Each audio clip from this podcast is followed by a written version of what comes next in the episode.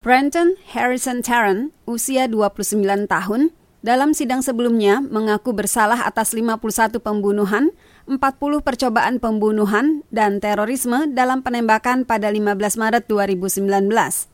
Kamis pagi, hakim menjatuhkan hukuman penjara seumur hidup tanpa kemungkinan pembebasan bersyarat kepada warga Australia itu.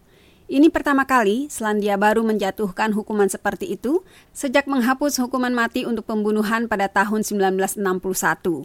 Hakim Pengadilan Tinggi Christchurch, Cameron Mander, menyebut tindakan Tarrant tidak manusiawi. Most of your victims were at prayer, violated places of worship where people came together for peace and fellowship. Sebagian besar korban Anda sedang sholat.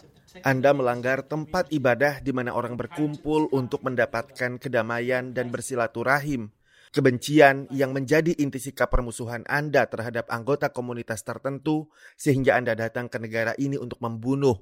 Tidak ada tempatnya di sini. Tidak ada tempat di mana pun.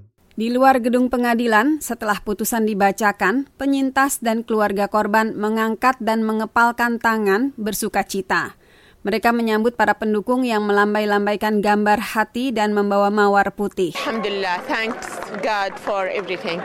Alhamdulillah. Gamal Fuda, Imam Masjid Al-Nur di Christchurch, satu dari dua masjid yang ditarget Terran, mengatakan senang atas respon Selandia Baru terhadap ekstremisme dan bahwa hukuman itu adalah apa yang diharapkan komunitas muslim. No punishment is going to bring our loved ones back. Tidak ada hukuman yang akan menghidupkan lagi orang-orang yang kita cintai. Terran yang mewakili dirinya sendiri dalam persidangan itu mengatakan melalui seorang pengacara di pengadilan bahwa dia tidak menentang keputusan itu. Ibu Terran, Sharon, tidak menanggapi hukuman terhadap anaknya. Perdana Menteri Selandia Baru, Jacinda Ardern, yang dipuji luas atas responnya terhadap serangan itu, menyambut baik hukuman tersebut. Menurutnya, pemuda itu pantas mendapat hukuman itu.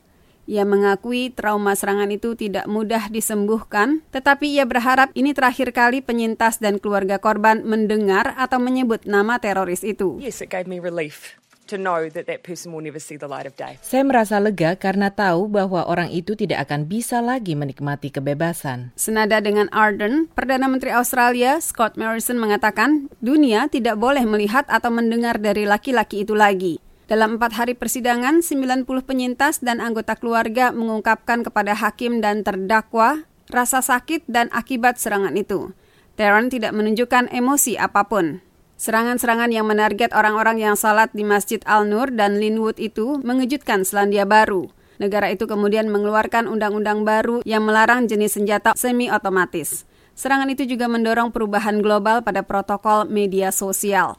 Hari Kamis, Kementerian Luar Negeri Turki menyatakan senang hukuman terberat dijatuhkan kepada penyerang itu. Seorang warga Turki tewas dan dua luka-luka dalam serangan tersebut. Winston Peters, wakil Perdana Menteri sekaligus Menteri Luar Negeri Selandia Baru, menyerukan agar Tehran dideportasi ke Australia untuk menjalani hukumannya. Karlina Amkas, VOA, Washington.